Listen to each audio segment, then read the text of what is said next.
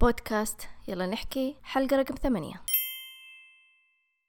أهلا فيكم. معكم تهاني عبد الرحمن من بودكاست يلا نحكي. البودكاست المتخصص في إدارة بناء المنتجات الرقمية. محتوى البودكاست ببساطة راح يكون موجه لجميع الأشخاص اللي حابين يعرفون كيف يصيرون مدراء منتجات حتى يقدرون يديرون منتجاتهم الرقمية. واستكمال للحلقات السابقة في هذه الحلقة راح أتكلم فيها معكم عن ما هي مهام مدير المنتج.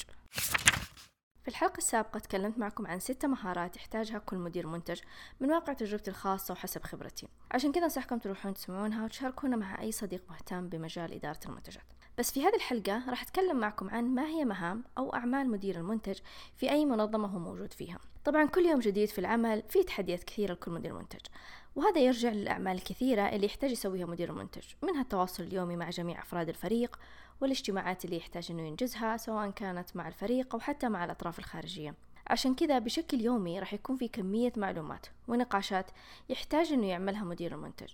بشكل يومي حتى يتأكد إنه العمل يسير حسب الخطة المتفق عليها وإنه كل شيء واضح للفريق. طبعا أعمال مدير المنتج كثيرة وممكن تختلف حسب المنظمة اللي هو موجود فيها.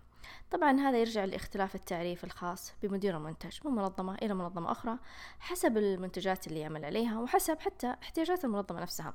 بس راح أحاول ألخص وأذكر المهام اللي ممكن تكون مشتركة ويحتاج يسويها كل مدير منتج بشكل مستمر. نبدأ مع أول مهمة وهي بناء خارطة الطريق للمنتج.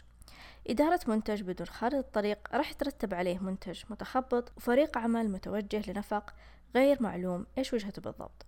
خارطة الطريق أو الرود ماب وهو الاسم المتعارف عليه مهمة لأنها تكون تحتوي على جميع التغييرات والمميزات اللي راح تضيفها لمنتجك خلال الإطلاقات القادمة.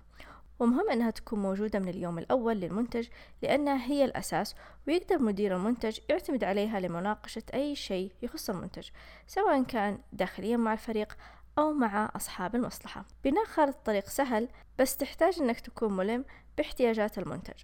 ومنصت جيد لجميع الملاحظات والنقاشات حتى تقدر بعدها تفلتر كل هذه النقاط وترتب الأولويات لها وتعكسها فيما بعد على خارطة الطريق. الموضوع يطول في الحديث عن خارطة الطريق. عشان كذا أنا رفقت لكم في وصف الحلقة رابط مقالة يوضح بالتفصيل طريقة بناء خارطة الطريق. أنصحكم بقراءته. ثاني مهمة وهي ترتيب أولويات المهام والتغييرات القادمة. المقصود هنا هي الأولويات للتغييرات والمميزات اللي راح يتم إطلاقها ليتم العمل عليها في المنتج. مدير المنتج يكون مسؤول عن هذه المهمة لأنه هو المسؤول عن التوجه الاستراتيجي والرؤية الخاصة بالمنتج. وأي قرار يخص المنتج يحتاج أنه يكون مرتبط برؤية واستراتيجية المنتج. حتى يكون لديك منتج تعلم إلى أين هو متجه بالضبط. ولاختلاف طرق ترتيب الأولويات أرفقت لكم أيضا في وصف الحلقة مقالة تشرح خمسة طرق لترتيب الأولويات. أنصح بقراءتها. ثالث مهمة وهي الاهتمام بالبحث الدائم عن طرق لتحسين المنتج. أي منتج يتم العمل عليه يحتاج دائما أن يكون مدير المنتج ملم وعلى اطلاع بما هي المميزات والتحسينات اللي يمكن إضافتها لتحسين عمل المنتج بشكل أفضل. طبعا هذا يكون عن طريق الملاحظات اللي توصل لمدير المنتج من الفرق الداخلية أو عن طريق حتى المستخدم النهائي. لهذا دائما أنصح بأن تكون هناك قنوات تواصل مفتوحة مع المستخدم النهائي للاستماع بشكل دوري لملاحظاتهم واقتراحاتهم.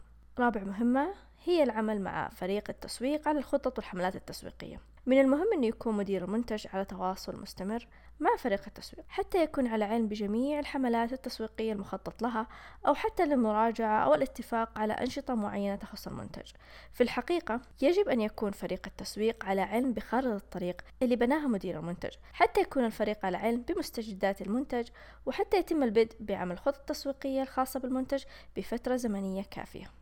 خامس مهمة الاجتماع مع الفرق المعنية لتوضيح نطاقات العمل للتغييرات والتحسينات القادمة. قبل أن يدخل أي تغيير أو تحسين إلى فريق التطوير يحتاج مدير منتج أن يقوم بتوضيح النطاق والغرض من هذا التغيير. حتى يكون الفريق على علم وتستطيع الفرق الأخرى بدء العمل عليه حتى يمكن الخروج بوثيقة متطلبات العمل والتي يطلق عليها Business Requirement Document عن طريق فريق تحليل الأعمال طبعا. لهذا يحتاج مدير المنتج أنه يعقد العديد من الاجتماعات بخصوص هذه المرحلة حتى يمكن لفريق تحليل الأعمال من بدء بناء قواعد الأعمال الخاصة بالحل التقني بناء على النطاق المسلم له. سادس مهمة بناء قائمة مهام المنتج أو Product Backlog طبعا قائمة ال Product Backlog هي عبارة عن قائمة تشمل المزايا والتحسينات اللي يحتاجها المنتج على المدى الطويل واللي راح يشتغل عليها فريق التطوير في مرحلة ما في المستقبل لهذا يحتاج مدير المنتج أنه يحدثها باستمرار وفقا للأولويات واحتياجات المنتج حتى يتم عكسها لاحقا في خارطة طريق المنتج. وحتى تتضح لكم فكرة ال Product Backlog أرفقت لكم رابط مقالة وضعتها في وصف الحلقة تشرح طريقة بنائها. سابع مهمة التأكد من حل المشاكل التي يعاني منها المستخدم النهائي. يحتاج مدير المنتج أن يكون على اطلاع ومعرفة بجميع هذه المشكلات حتى يتأكد أن المنتج يقدم التجربة اللي تم بناؤه من أجله. أيضا اهتمام مدير المنتج بالمشكلات التي تواجه المستخدم يساعده أيضا على إيجاد فرص تساعده على تحسين التجربة بشكل أفضل. وهذا أكيد يكون بوجود فريق التشغيل اللي يتابع المشكلات اللي تواجه المستخدمين عند استخدام المنتج. طبعا هذه فقط كانت بعض المهام ومثل ما ذكرت لكم في البداية المهام تختلف من منظمة إلى أخرى لاختلاف تعامل كل منظمة مع إدارة المنتجات. عشان كذا أنا حاولت أذكر لكم بس أهم المهام اللي ممكن تكون مشتركة آه، بين مدراء المنتجات باختلاف المنظمات اللي هم يشتغلون فيها. وفي النهاية شكرا لكم على الاستماع وأتمنى أن الحلقة أعجبتكم. لا تنسوا الاشتراك ومتابعة البودكاست للاستماع للحلقات السابقة والحلقات القادمة. وأتمنى للجميع بناء منتجات تقنية موفقة. والتقيكم. في حلقات أخرى.